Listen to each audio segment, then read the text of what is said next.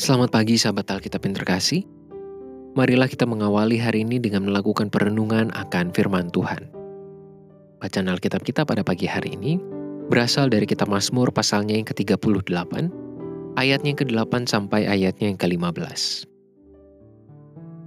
Sebab pinggangku penuh radang, tidak ada yang sehat pada dagingku. Aku kehabisan tenaga dan remuk redam, aku merintih karena degap-degup jantungku. Tuhan, Engkau mengetahui segala keinginanku, dan keluhku pun tidak tersembunyi bagimu.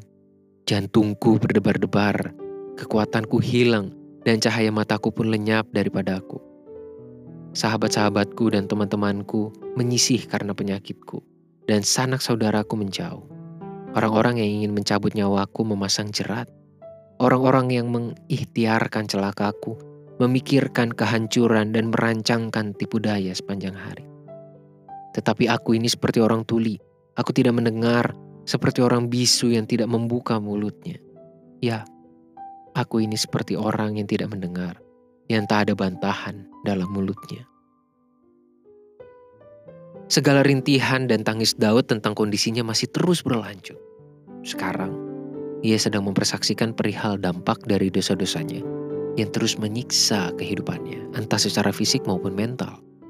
Sembari merendahkan hati dan diri di hadapan Tuhan, pemazmur meyakini bahwa Tuhan memahami apa yang ia butuhkan. Bahkan, secara dramatis dan penuh emosional, pemazmur mengakui Tuhan sebagai satu-satunya pihak yang mau berpihak untuk melihat, menilik, dan memahami kondisinya serta tidak meninggalkannya. Sangat diyakini bahwa syair ini ditulis Daud pada saat anaknya Absalom mengambil posisi sebagai musuh. Di tengah derita, Meski akibat dosa-dosanya sendiri, pemazmur merasa ditinggalkan oleh setiap orang yang menyebut dirinya sebagai sahabat maupun saudara. Sikap pemazmur ini adalah sesuatu yang unik, terkhusus pada saat seorang manusia mengalami sebuah pergumulan yang hebat. Kemarin kita sudah melihat bagaimana penderitaan atau pergumulan justru dijadikan pemazmur sebagai media untuk mengevaluasi dirinya di hadapan Tuhan. Sekarang, kita melihat bagaimana pemazmur justru merasa semakin intim dengan Tuhan di tengah pengkhianatan yang ia dapatkan dari orang-orang terdekatnya. Di tengah kesendirian dalam kesengsaraannya itulah, pemazmur menemukan bukti bahwa Tuhan tidak pernah meninggalkannya meski dia sudah berdosa terhadap Tuhan. Sahabat Alkitab, sangatlah wajar ketika kita merasa begitu malu pada saat menyadari segala bentuk kesalahan dan dosa di hadapan Tuhan. Namun kita juga perlu menyadari bahwa Tuhan penuh dengan kasih setia dan kelemah lembutan. Dosa tidak akan mengalahkan kebesaran cinta dan menghalangi inisiatif kasihnya bagi setiap manusia yang mengharapkannya. Marilah kita berdoa.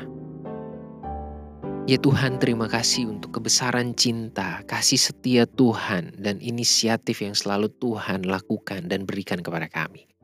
Terima kasih bahwa di tengah segala keberdosaan dan kesalahan kami di hadapan-Mu, kami tidak pernah ditinggalkan oleh Tuhan.